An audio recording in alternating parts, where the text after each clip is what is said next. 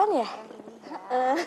Ya, warna-warna lipstick Warna peach gitu ya. lagi musim-musim sekarang kan gitu ya warnanya dia nggak nggak kelihatan banget nude Iya, gitu lebih cenderung ke nude Kita hari ya. ini mau bahas ini ya Mbak ya. boleh Eh pemirsa, udah masuk rupanya di Perempuan Pilihan. Hai, jumpa lagi dengan saya Janur Samantri dalam program kesayangan Anda, program Perempuan Pilihan. Waduh, yang namanya perempuan ini udah pasti nggak bisa dipisahin dari yang namanya make up. Ngomong-ngomong tentang make up nih pemirsa nih, Janur hari ini di studio udah, udah nyiapin tuh.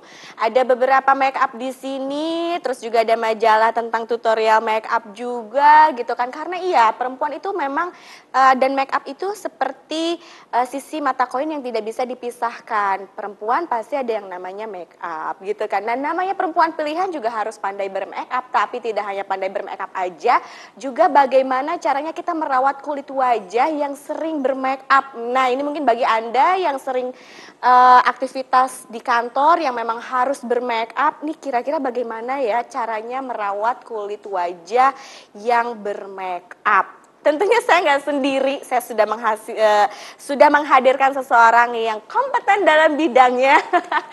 Hai Teh Santi, Hai, apa kabar? baik. Aduh, ini udah lama ya. Temen rumpi ya.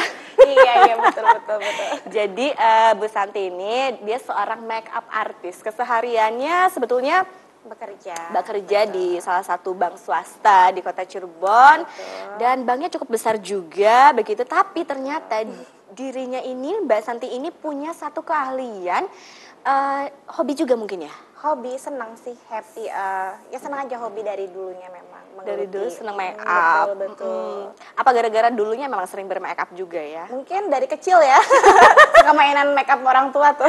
Waduh pantesan ya ini lipstick maminya udah potong-potong udah pada bolong-bolong ya. Iya mungkin dari hobi sih sebetulnya betul. Sekarang aktivitas apa aja nih Mbak? Kalau keseharian mungkin Senin sampai Jumat saya tetap bekerja di kantor.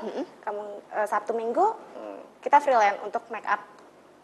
Betul. hebat banget ya. Jadi perempuan itu memang harus yang namanya Multi talent. multi talent ya kan. Kita memanfaatkan waktu yang ada untuk menjadi lebih produktif. Betul sekali. Malam hari ini kita mengangkat mengenai make up, bagaimana caranya merawat eh, wajah yang selalu bermake up dan juga merawat bagaimana make up make up kita itu agar tidak merusak kulit.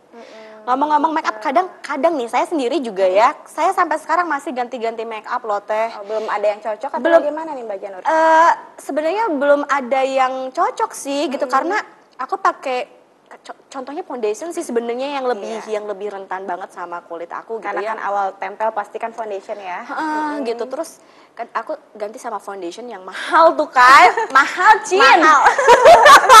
Mahal ya. mahal banget tapi ternyata nggak cocok sama kulit aku bahkan aku ngerasa nggak nyaman karena warnanya tuh lebih gelap gitu terus kalau di foto atau di kamera itu lebih kalau bahasanya hinyai gitu ya jadi nggak segar Gak segar, gak fresh ya. Jadinya kusam terlihatnya ya. benar-benar itu gimana sih tips and trick memilih uh, produk make up yang memang supaya tepat gitu untuk, kulit kita, kita. Kita kan eh, banyak nih eh, Mbak Janur berbagai macam jenis kulit ya ibaratnya ada yang kering, berminyak atau sensitif nah gitu. Biasanya untuk makeup sehari-hari itu kita gunakanlah yang ringan. Jadi misalnya foundationnya itu foundation yang liquid. Yang liquid Betul. tuh yang mungkin Mm, yang mungkin ya seperti ini. seperti itu contohnya. Yang Ah. liquid. Jadi dia kan ringan di kulit nih. Dan untuk pemilihan warna pun kita harus lihat dulu nih kulit wajah kita.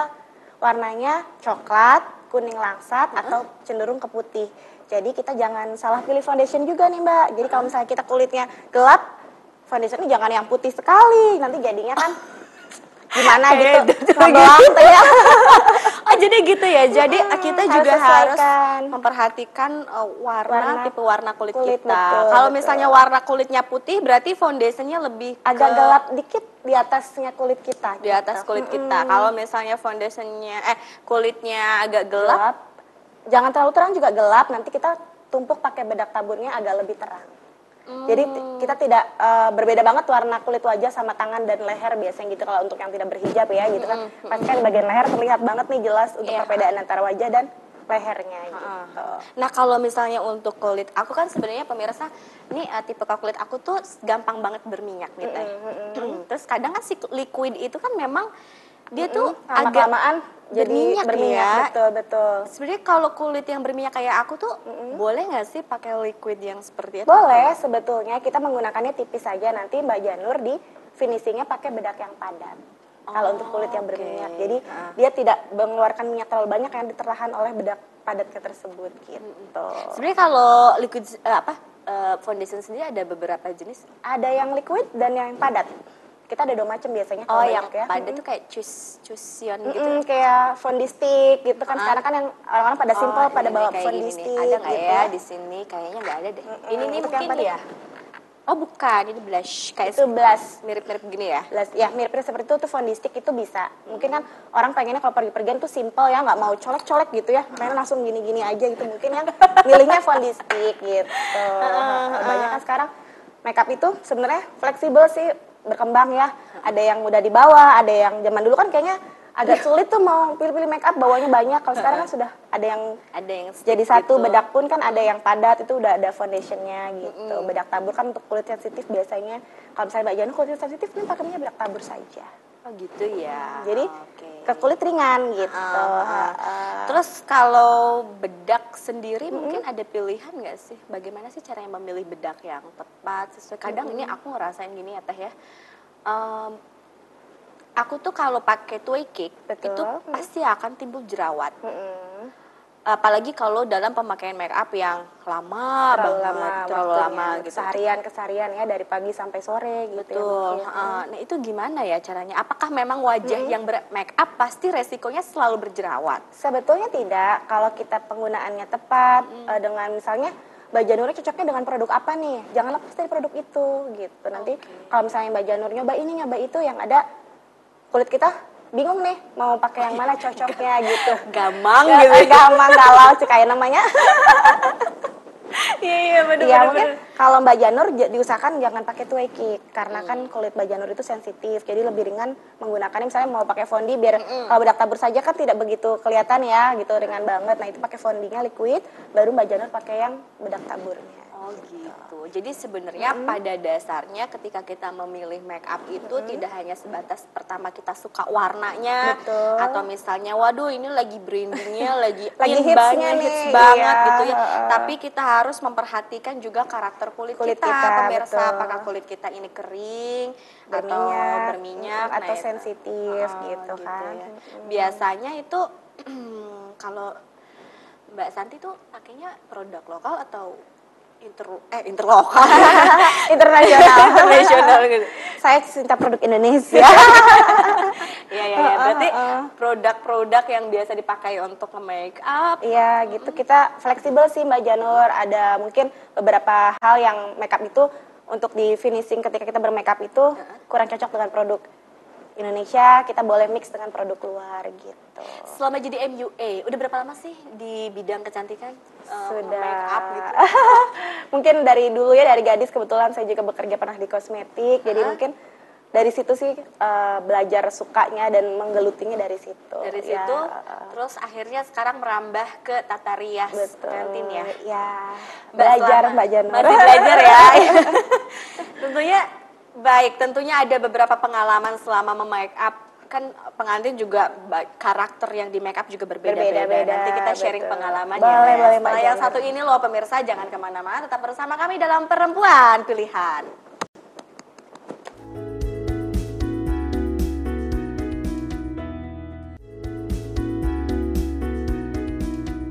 Terima kasih pemirsa, Anda masih setia bersama kami dalam program Perempuan Pilihan dan masih bersama saya Janer dan dengan saya Santi Iya, ini seorang make up artis di kota Cirebon ya.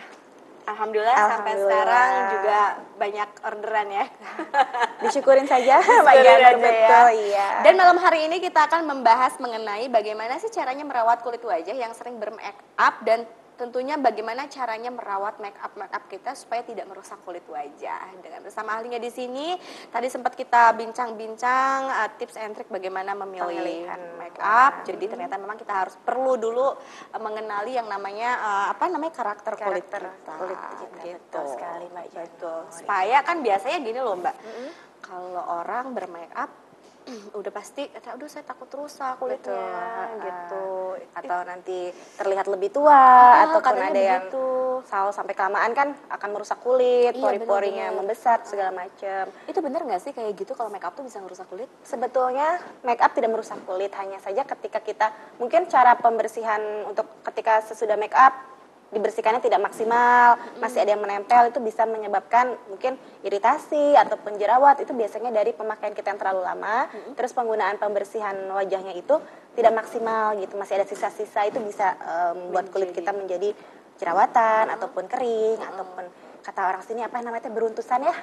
Soalnya jadi kayak telur ikan Iya, kayak betul, gitu. betul. Nah tentunya sebelum kita lebih ke arah dalam mengenai bagaimana caranya merawat alat-alat make up, tadi sempat uh, Teh Santi mau sharing pengalaman dulu nih. Ada nggak sih selama jadi make up artis, terus kan nge-make up orang kan pasti karakternya beda-beda. Ada pengalaman yang bisa di-sharingkan nggak sih, yang bisa menjadi tips and tricks dalam bermake up gitu? Sebetulnya kalau bermake up kita kan tentunya harus melihat eh, bentuk wajah yang akan di make up kita ya. Bentuknya bulat kah atau dia lonjong kah atau matanya eh, agak membesar ataupun matanya sipit itu kita mungkin harus lihat dulu nih. Untuk pengalamannya paling banyaknya itu ya berjerawat. Mm-mm. Mm, agak sulit sih sulit sekali orang yang berjerawat kayak gitu? Mungkin satu ada ketakutan tersendiri, aduh nanti kalau di make upin saya tambah banyak nih jerawatnya. Aduh nanti jangan-jangan ini jerawatnya nggak bisa ditutupin oleh make upnya atau dan lain-lain. Pasti pasti begitulah. Karena jerawat itu kan sangat sensitif ya Mbak ya karena kadang tersentuh tangan kotor saja dia akan nambah jerawatnya. Nah, Iya. mungkin pengalamannya itu sih agak sulitnya kalau ketika make upin orang orangnya berjerawat. Heeh. Jadi mungkin ada ada produk khusus mungkin untuk untuk Oke, yang kita pakai base-nya yang khusus untuk jerawat. Jadi kita menutupi jerawatnya dahulu atau ibaratnya si jerawat itu kita tahan dulu nih, Mbak, biar nggak terlalu kelihatan banget dan tidak kering banget. Kita tutup dulu pakai base-base ada merek-merek tertentu yang mungkin pemirsa juga banyak yang tahu lah gitu ya. Apalagi sekarang lagi hits gitu. Kita tutup dulu si jerawat tersebut baru kita menggunakan fondi. Mungkin sedikit fondinya agak tebal ya mungkin kalau yang untuk yang berjerawat biar tidak terlalu terlihat. Iya, Dan dia menggunakannya dua lapisan fondi gelap dahulu, baru yang agak terangnya. Gitu. Waduh, tapi ya mau gue lagi yang namanya pernikahan kan memang harus di make Betul. up ya. Orang kan pengennya kondisi. tampaknya lebih lebih wah, Wah, di hari yang spesial gitu Betul, ya. eh, eh, tapi itu bisa disiasati ya Mbak ya. Pengennya kan the power of make up gitu yang orang tadi biasa aja terus berubah menjadi kayak Barbie atau jadi Oh kayak my wow, god, sama gitu. kayak aku sekarang ya. Tadi Mbak Tati bilang, ih kamu cantik sekali padahal make up. Jadi nanti kalau make upnya sudah dihapus kembali kembali seperti semula lagi ya Mbak ya. Iya bener ya. Tapi memang bener loh perempuan itu memang nggak bisa dipisahkan dari makeup Betul, bagaimanapun. betul. Namanya perempuan kan harus merawat uh, wajah kulit wajah lebih terlihat indah di pasangan mungkin yang punya pasangan harus terlihat cantik depan pasangan kita gitu Ya kan apalagi dengan seperti kita adalah wanita-wanita yang bekerja juga betul butuh yang namanya butuh makeup ya. biar kita terlihat fresh dan smart gitu ya Betul. nah ini ngomong-ngomong ada satu kekhawatiran juga bagi para pemirsa mungkin ya di sana juga yang menggunakan makeup itu, aduh saya takut uh, rusak lah kulitnya, takut inilah, takut itulah. Memang uh, makeup juga kan menggunakan alat-alat nih ya. betul Seperti kuas, kuas, gitu, spons. lipstick, spons gitu. Nah, itu bagaimana sih cara merawat alat-alat makeup supaya mungkin uh, tidak tidak tidak tercampur dengan kuman iya, karena kan kuman. betul kita sesudah menggunakan spon gitu alangkah baiknya berapa hari sekali itu kita cuci kuasnya sponnya gitu menggunakan air hangat dan kalau misalnya di rumah pasti kan ibu-ibu semua juga pasti punya tuh namanya pembersih piring. Oh berarti durasinya beberapa hari ya setelah dipakai ya? ya mungkin dua hari tiga hari gitu. Oh my god. Mm, Aku misalnya- udah lama banget gitu. Cuci. Serius itu loh. harus diingatkan kembali Mbak Janur setelah pulang dari sini. Mbak Janur siapkan itu tempat isi air hangat dan pembersih piring cairan Sunlight pembersih maksudnya? ya boleh pokoknya pembersih piring apa pun itu bisa uh, kita masukkan si spon dan si kuasnya kita diamkan itu otomatis akan mengangkat sendiri kotoran-kotoran bekas bedaknya ataupun lipstiknya ataupun itu foundationnya itu akan keluar dengan sendirinya kita peras-peras, kita kucek-kucek-kucek-kucek, kita jemur kembali, itu akan bersih kembali. Jadi itu juga mungkin benar kata ya. Mbak Janur ya, kalau misalnya alat makeup kita nggak bersih pun, Hah? pasti akan menimbulkan jerawat ataupun iritasi di kulit wajah kita. Jadi bukan hanya banget. makeupnya saja, alat makeupnya pun harus harus Bersih, betul Seperti kuas juga boleh direndam. Boleh, boleh, itu ya. boleh. Nah, Pemilihan kuas pun harus yang lembut ya. Karena kan ada kuas beberapa macam jenis kuas tuh Mbak Janur. Ada yang teksturnya mungkin nggak lentur atau yang halus ataupun yang setengah halus. Kita pastikan menggunakan kuasnya yang tepat, yang halus. Jadi ketika kita bersihkan pun kita cuci bulu tersebut tidak berubah gitu. Hmm, Kan ada biasanya kuas Ada, dicuci kayak kuas jadi aku. keras gitu ya. kuas aku jadi jenggrek gitu ya. Nah, itu kita Ah. mungkin harus menggunakan yang lebih halusnya lagi. Jadi itu juga bisa mempengaruhi untuk kesehatan kulit wajah kita jika tidak dibersihkan ya Mbak Waduh, kebayang ya. Tapi ngomong-ngomong nih, ada juga nih eh, kayak misalkan produk-produk make up. Kalau aku sih aku baru tahu loh kalau misalnya si spons, si kuas itu memang harus dicuci beberapa hari setelah kita pakai. Bahkan saya mungkin mencuci spons itu kalau sudah terlihat Hitam. lelah. Hitam ya Janur. Oh, ledak ya. Atau orang sini ledak ya. Bener loh, oh mungkin karena itu ya aku Mungkin itu sering berjerawat jadi. bukan karena fondi fondinya atau bukan karena bedaknya mungkin. Bisa jadi dari alat yang kita gunakan untuk mengoleskan bedak dan fondi ke wajah kitanya. Oke. Karena kan dia kata kan nempel ya Mbak ya Ah, si bedak si fondi itu jadi lama kelamaan takutnya kan mengeluarkan jamur. Betul. Ih, Betul. ngeri banget ya pemirsa. Makanya ya. buat pemirsa juga barangkali nanti satu saat mau di make upin kita lihat dulu nih alat make upnya bersih atau tidaknya gitu. Ya, itu yang harus kita Mm, perhatikan. betul Salah satu yang sekali. harus kita perhatikan sebelum kita bermake up. Nah, eh, aku juga punya pengalaman tentang make up. Jadi eh, dulu tahun 2000, aduh lama banget, pokoknya 2014-an lah Iya. kalau tidak salah. Aku beli satu paket eh, make up gitu kan, ya salah satu produk ternama juga. Terus eh, karena memang aku eh, jarang ada ada beberapa make up yang jarang aku gunakan dan sampai sekarang ada. Gitu. Berarti udah sekitar empat tahun lebih lah itu. Aman gak sih buat di muka? Sebetulnya kalau kosmetik itu kita expire-nya lima tahun. Dilihat dari eh, pertama kali kita lihat nih eh, dari kita beli, kita lihat dulu nih dia pembuatannya tahun berapa. Itu expire bisa lima tahun kalau kosmetik. Lima tahun? Betul. Oh berarti lama ya expirednya. Jadi eh, kalau misalnya 2014 saya beli, sekarang 2019. Ya sebentar lagi udah expire Mbak Janur. Mungkin lebih baiknya Mbak Janur dibuang saja. Biar tidak merusak kulit Mbak Janur Iya, yang betul. cantik dan mulus gitu ya. Ini pemirsa Mbak Janur Kayak- ya. kayak sini banyak aja PR gitu ya. Oh, berarti gitu ya. Jadi expired Betul. makeup itu cukup lama Betul. begitu. Kalau misalnya eh, terbuka dalam jangka waktu yang lama misalnya seperti Mungkin, bedak mm. atau lipstick itu boleh kita gunakan lagi apa enggak sih? Atau Ah, liquid gitu. Masih Kalau aman mungkin sih untuk kita lihat dulu nih Mbak, berubah tidak tekstur dari lipstick tersebut atau dari bedak tersebut. Jika teksturnya sudah berubah tadinya padat terus tiba-tiba warnanya jadi berubah ataupun ada sedikit kita ragu nih, kita oleskan saja dulu di kulit kita Mbak. Nah, Jika memang ada yang meragukan lebih baik kita ganti saja. mending diganti aja. Betul, gitu beli ya. yang baru Mbak Janur. Iya. kayak langsung saja. Iya Beli ya. yang baru Mbak Janur kajian Mbak Janur ya. Iya iya betul betul betul. Ngomong-ngomong nih, em, sekarang eh, apa namanya aktivitas untuk ke make up meriah Setarias masih eh, sekitaran Cirebon atau sudah go internasional misalnya? Oh, belum Mbak gitu? Janur. Ya Ciayu Majak Kuning mungkin Mbak Ci- Janur iya. Paling jauh ke mana paling jauh? paling jauh sempat sih ke Bandung atau Jakarta tapi itu hanya untuk priwet biasanya gitu. Ah, oke. Kita ngasihnya untuk jarak-jarak yang mungkin lihat view atau segala macam jadi kita mungkin ngambilnya yang tidak di Cirebon gitu.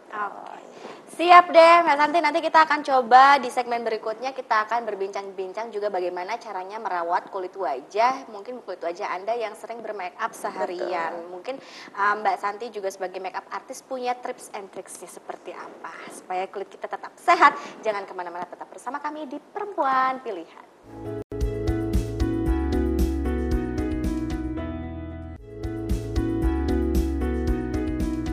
Ya pemirsa, kita sudah menginjak di segmen 3 perempuan pilihan. Tentunya masih eh, membahas mengenai bagaimana caranya merawat kulit wajah yang bermake up. Nah tadi sempat disonding juga di segmen sebelumnya bahwa di segmen ini kita akan coba membahas mengenai caranya merawat kulit wajah. Nah ini Teh Santi mungkin punya satu trik, satu tips untuk kita semua yang memang sering menggunakan make up di kesehariannya. Bagaimana sih cara merawat kulit wajah kita agar tidak eh, rusak gitu ya kan? Mungkin ada tips-tips khusus gitu Teh. Sebetulnya tips khusus tidak ada Mbak Janur, Hmm. cuma mungkin kita kan harus nih kita bermakeup setiap hari berapa jam gitu dalam sehari kita rutinitas kita. Pokoknya setiap hari nggak bisa tanpa make up gitu ya. Mungkin cara untuk merawatnya simple aja sih. Kadang kan ada yang orang lebih suka menggunakan masker yang bet sudah tinggal pakai nih mbak gitu. Atau juga mau yang kita tradisional juga mungkin angka lebih baiknya tuh menggunakan eh, bahan-bahan yang tradisional. Jadi ke kulit kita pun lebih aman karena tidak mengandung bahan kimia apa pun gitu Iya, iya. mungkin Mbak Janur mau yang untuk kulit berminyak atau kulit yang berjerawat atau bagaimana setelah menggunakan make up itu yang baiknya menggunakan masker apa gitu ya. Mungkin kalau buat saya pribadi ya Mbak Janur ya ketika kita sudah melepas make up nih otomatis kan malam kalau malam itu kondisi kulit kita sedang istirahat Mbak Janur jadi alangkah lebih baiknya kalau kita perawatan wajah itu di malam hari Iya. Mm, misalnya Mbak Janur pengen kulitnya lembab terus kita mungkin tahu air mawar Mbak Janur Air mawar Mm. eh, tahu, tahu ada, mungkin dari beberapa produk eh, lokal yang betul, ada air betul. mawar ya. Nah, kita menggunakan air mawar, kita campur 2 sendok makan baby oil dan air mawar, Hmm. kita aduk hingga berbusa. Setelah eh, si campuran tersebut berbusa, kita oleskan menggunakan kuas ke wajah kita. Oke. Itu didiamkan selama 15 atau mungkin 20 menit biar nanti wajah kita menjadinya lebih kenyal, lebih, fresh, lebih, lembab. Oh, Jadi gitu. tidak kering Mbak Setiap hari dilakukan tidak ada tidak apa, tidak perlu ada setiap hari sebetulnya satu minggu dua kali satu minggu tiga kali pun boleh sebetulnya mbak Nah, sebenarnya ada eh, pertanyaan yang agak sedikit ini karena ini saya pengalaman pribadi ya Teh ya. Jadi kalau eh, saya abis siaran nih kan malam nih kan. eh, kan kalau udah datang ke rumah tuh ngantuk gitu kan. Terus aduh kayaknya kalau untuk melakukan ritual pakai susu pembersih, pakai apa? Jadi aku langsung cuci muka. Langsung cuci muka. Kadang kalau misalnya eh, apa sabun muka khususnya ada di kamar mandi sebelah, juga aku malas ngambilnya jadi pakai sabun mandi. Yang penting itu sebenarnya bagus ya sih cara membersih muka seperti itu. jangan dicontoh ya pemirsa ini mbak Janur salah banget gitu nah itu mbak Janur kalau misalnya mbak Janur capek banget itu banget tuh otomatis langsung nih buru-buru tidak perlu pakai yang pembersih berapa langkah atau berapa langkah kita menggunakan yang satu langkah yang sudah ibaratnya kita udah nyaman banget ya tinggal two in one itu ya. Mm, betul, three in one, two in one samalah ya. Kita bersihkan wajah kita, baru kita menggunakan sabun. Kalau misalnya Mbak Janur pengen lagi perawatan itu menggunakan krim malam. Angka Oke. baiknya karena ketika menggunakan krim malam kita kulitnya sedang beristirahat. Dia itu cepat nyerap ke kulitnya. Dibandingin kita menggunakan pelembab ataupun eh, yang di siang hari. Karena kan kulit kita bekerja ya. Kalau ketika malam hari itu kulit kita sedang istirahat. Jadi itu bagus banget buat perawat kulit wajah kita Oke, jadi dengan bisa dengan air mawar dan juga Betul, baby baby oil, yang oil. digabungkan itu bisa seminggu dalam dua kali. dua atau sampai tiga untuk kali merecovery kulit, Kulit kita, kita, yang setiap betul. harinya itu bekerja karena make up. Make up, Tapi ini kalau aku baca di sini Mbak ini, Ya. ini salah satu perawatan make up itu bisa juga dengan eh, ini seperti kopi ataupun, iya mm. ada ini kalau ini di sini ada jeruk nipis Oh katanya iya jeruk nipis bisa sih sebetulnya. Itu biasanya untuk menghaluskan kulit dan untuk yang kulit berjerawat Mbak Janur. Kita gosok-gosok. Aduh, kebayangnya sedikit perih banget ya itu Iya, ya. betul.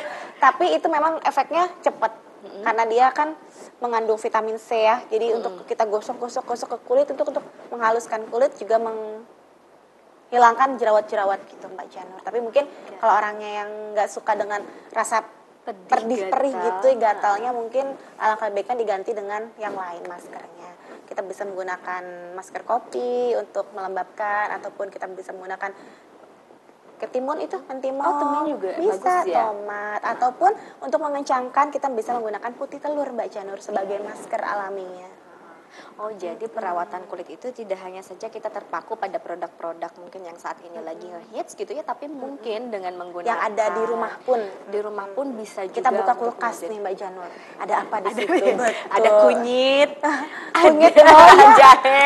Itu kan sebenarnya bisa mungkin masak, ya. Mbak Janur. Oh, masak ya. eh, tapi ngomong-ngomong masalah tentang makeup artist nih ya. Seneng gak sih jadi makeup artist? Seneng lah mbak, kita punya kepuasan tersendiri. Dari yang mungkin tadinya biasa aja terlihatnya Terus tiba-tiba kita make upin, dia berubah menjadi cantik. Itu kepuasan buat seorang perias ataupun mua-mua yang sekarang sedang merajalela di mana-mana nih Mbak Janur ya. Itu kita punya kepuasan tersendiri. Nah, Jadi bukan hanya materi yang kita kerja, tapi kita seneng melihat orang lain pun senang gitu. Berarti melakukan uh, pekerjaan ini Pekerjaan dengan ini hati karena dengan memang hati, senang, karena memang betul. hobi gitu. Tapi bener loh pemirsa ngomong-ngomong dulu uh, bukan dulu sih ya beberapa waktu lalu saya sempat juga didandanin sama Teh Santi. Jadi kebayang ya maksudnya muka aku yang polos tanpa make up ini terus akhirnya didandanin sama Teh Santi keluar-keluar mirip siapa coba? Mirip Syahrini. bener ya? Bener loh itu KW5 bener. kayaknya ya, pemirsa ya. Tapi bagus banget emang make upnya terus juga tahan sampai sore. Jadi pas Teh Tete udah pulang terus aku habis eh, event selesai, itu aku nggak mau nggak mau hapus make up. Karena sayang banget soalnya emang masih masih awet. Masih awet gitu. tidak luntur. Iya, sebetulnya kalau luntur tidaknya itu tergantung kitanya sih Mbak Janur jenis kulitnya atau mungkin kita penggunaannya dalam ruangan atau luang luar ruangan mungkin beda ya. Kalau luar ruangan mungkin kita banyak mengeluarkan keringat, mungkin tips juga nih buat yang bekerjanya di luar lapangan itu kita jangan menggunakan tisu untuk membersihkan atau untuk bukan membersihkan untuk meratakan kembali bedak-bedak kita yang sudah berantakan. Itu menggunakan spon bedak. Ah, spon bedaknya Iya, langsung. jadi kita gini gini gini gini saja. Biasanya ada juga yang namanya pepper oil itu, itu eh, itu biasa buat ngangkat minyak aja sih Mbak Janur, tapi mungkin lebih betternya menggunakan spon bedak. Jadi spon bedaknya kita gini gini gini. Kalau tisu mungkin nanti Jadi eh, si bedaknya mm, takutnya nanti kita ya. bedaknya udah nggak rata nih, Mbak Janur tiba-tiba, oh kok di sini belang, di sini masih bagus gitu kan. nanti kita berasa jadi aneh gitu ya. topengnya keangkat. Betul, iya. Tapi luar biasa loh eh, dirimu itu eh, melakukan dua pekerjaan yang memang sangat jauh sekali bidangnya ya. yang Sangat satu berbeda bidang perbankan, betul. dirimu setiap harinya ada di kantor ya Betul. kan. Tapi di luar itu dirimu juga eh, melakukan peran sebagai seorang makeup artist di situ. Motivasinya apa sih? Apa karena memang ingin mengisi waktu luang saja atau bagaimana? Sebetulnya karena saya cinta dua pekerjaan tersebut Mbak Janur. Jadi kalau misalnya Mbak Janur pun mem- harus mempertanyakan Mbak Santi mau pilih yang mana nih pekerjaan utama atau yang hobi gitu ya. Kalau saya pribadi saya menyukai dua-duanya. Di mana ada waktu saya bisa melakukan dua-duanya mungkin saya nikmatin Mbak Janur. Jadi saya Senin sampai Jumat bekerja di kantor gitu ya rutinitas saya di kantor. Ketika waktu saya lepas dari kantor saya menggeluti hobi saya. Satu kepuasan tersendiri, yang kedua pun bisa mencari tambahan rezeki Mbak Janur. Wah, ini perempuan Betul. pilihan betul. Jadi memanfaatkan waktu yang ada Betul. untuk lebih uh, produktif Betul tentunya. sekali, Mbak Dan tentunya Jana. dengan uh, Mbak Santi bergerak di bidang kecantikan, kenal link sini, link sana, itu juga akan menambah wawasan. Wawasan Santi, gitu relasi ya. kita banyak ataupun teman kita jadi banyak kita juga kadang suka ada perkumpulan dengan momo lain juga gitu jadi banyak sih hal-hal positif yang nanti kita dapat kalau misalnya kitanya bekerja dengan ikhlas dan dengan kenyamanan kita sendiri Baik, tentunya nanti kita akan berbincang-bincang lebih dalam lagi dari seorang inspiratif malam hari ini Teh Santi di sini. Tentunya cerita dan perjalanan kisah seorang Santi di sini ada juga mungkin yang akan bisa eh, kita ambilkan pelajaran dan juga motivasi kita semua setelah sayang satu ini. Jangan ke mana-mana, tetap bersama kami di Perempuan Pilihan.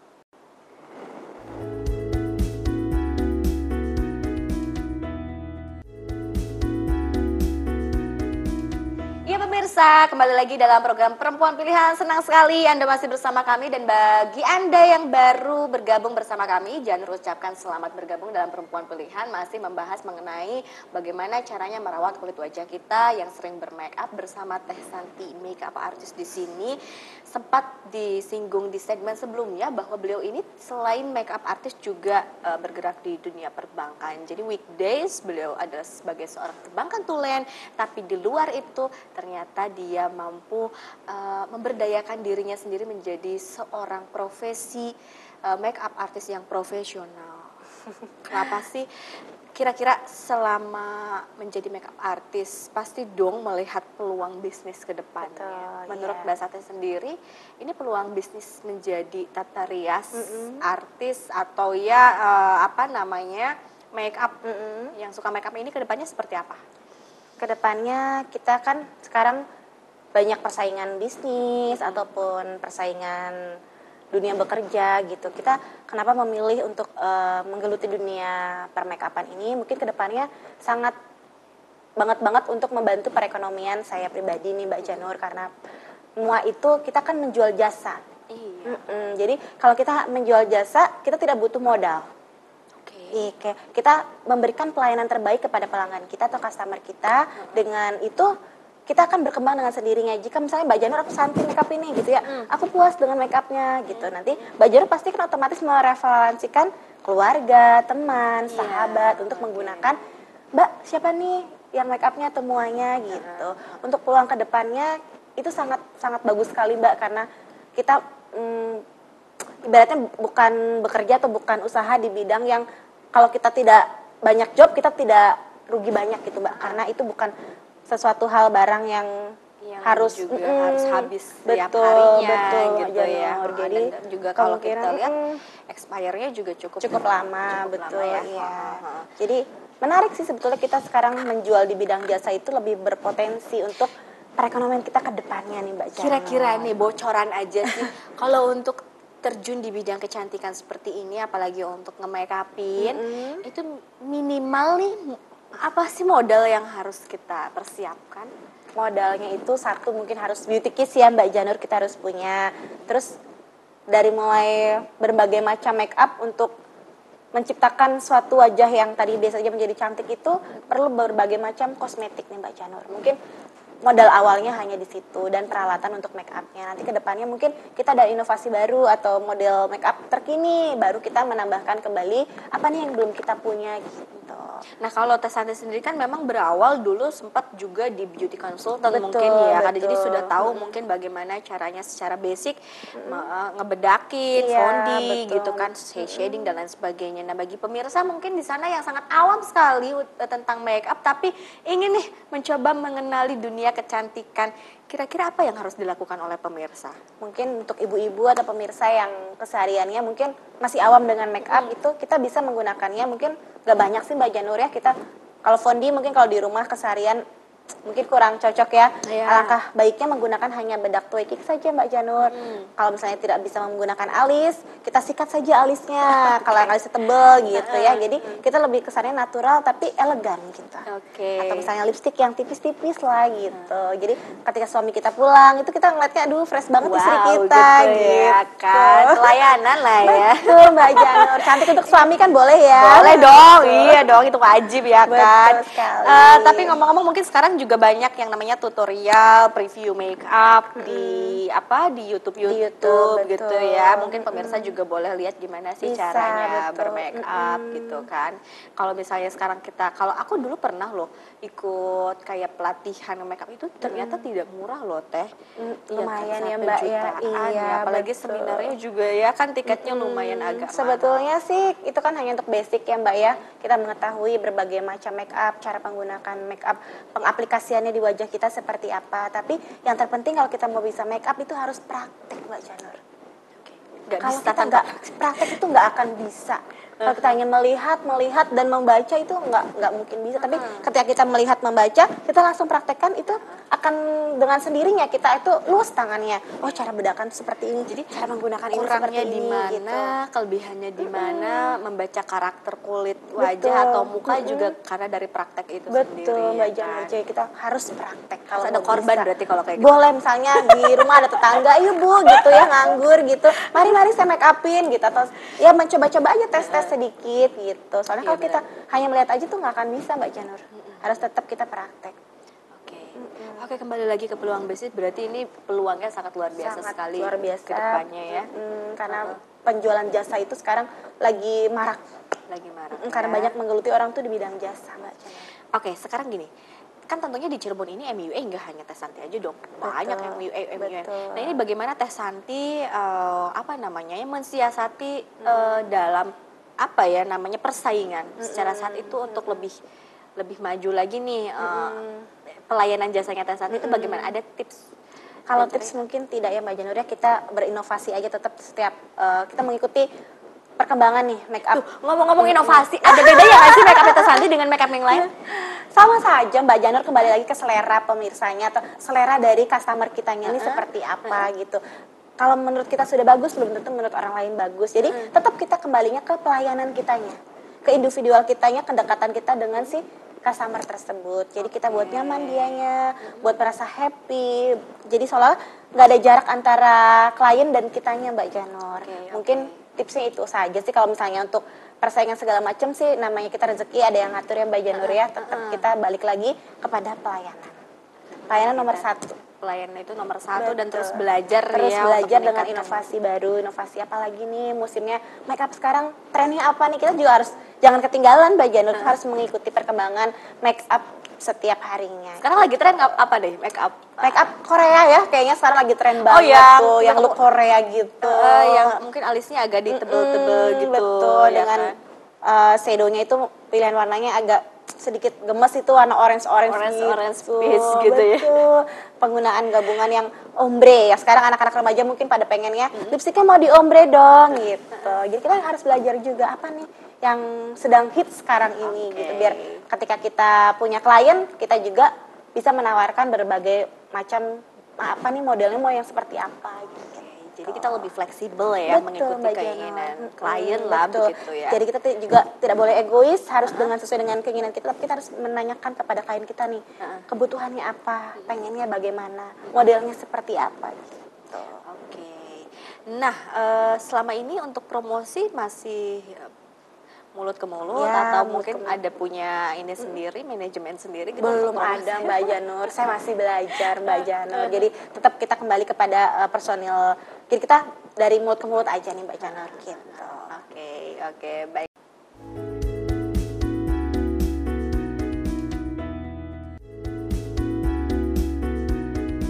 Sudah berada di segmen akhir perempuan pilihan. Masih bersama Teh Santi di sini. Masih Iya, semangat? Semangat Mbak Janur. Tetap. ini loh uh, satu hal yang aku selalu lihat dari Teh Santi ini. Teh Santi always uh, smile ceria gitu dalam kehidupannya ya kan? Apalagi dengan kondisi yang bisa memanage waktu antara pekerjaan utama dan pekerjaan yang menurut Teh Santi ini adalah hobi Hobi, yang harus betul. diutarakan gitu ya. Ini tentunya juga punya effort dong untuk membagi waktu dan lain sebagainya. Selama ini apa sih uh, yang men- apa sih maksudnya ya? Bagaimana caranya membagi waktunya itu? Apa nggak keteteran atau bagaimana gitu? Eh, enggak sih Mbak, saya tuh pribadi untuk eh, make up ini kan ngambilnya di hari-hari libur saya gitu ya. Tetap kan kalau bekerja di kantor itu jam 5 kita pulang.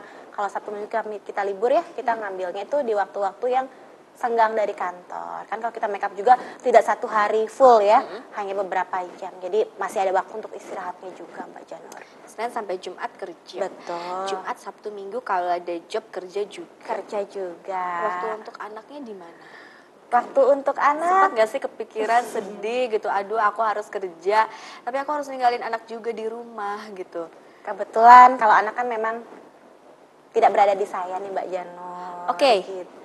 Single parent Yes Mbak Janur, saya seorang single parent. Jadi mungkin waktunya banyak digunakan untuk hal-hal yang positif saja. Jadi itu pun salah satu ibaratnya untuk melampiaskan kesendirian saya, kesedihan saya. Jadi biar Oke. tidak berlarut-larut. Oke gitu. mbak, ini ngomong-ngomong single parent ya mbak ya. Eh, orang tuh di luar kadang menilai single parent itu eh, sebuah masih negatif ya, dikatakan masih negatif. Tapi padahal ketika mereka tahu isian dari eh, apa ya? Oh saya jadi gemetar gini kalau bicara tentang single parentnya.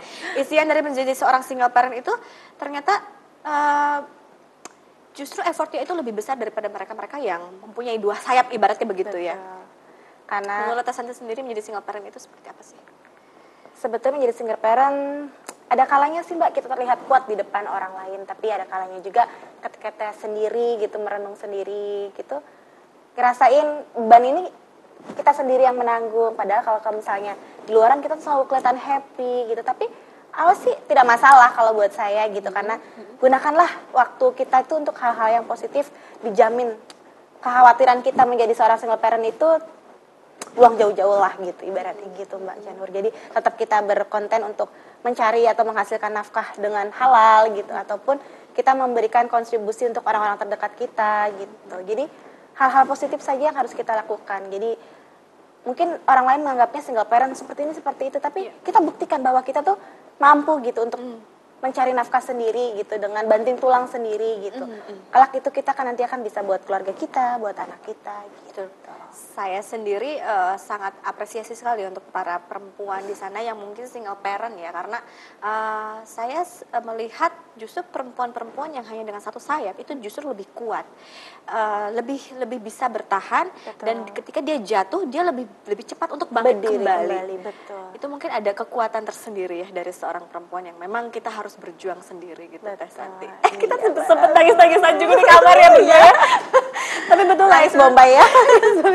memang eh, kalau single parent itu eh, kita memang tidak bisa apa ya tidak bisa beropini tidak bisa memaksakan opini orang untuk, Untuk tidak suka, bernegatif betul, gitu pada ya. kita. Tapi eh, mungkin perlu ditahu ada hal-hal yang eh, inspiratif yang yang mungkin menjadi motivasi karena yang namanya single parent kita juga harus bertanggung jawab menjadi seorang ayah Jadi juga di sisi lain menjadi seorang ibu Betul. kita juga harus membagi waktu antara anak, diri pribadi dan juga pekerjaan. Betul, Itu adalah sesuatu yang sulit sebetulnya Betul, ya. sangat sulit.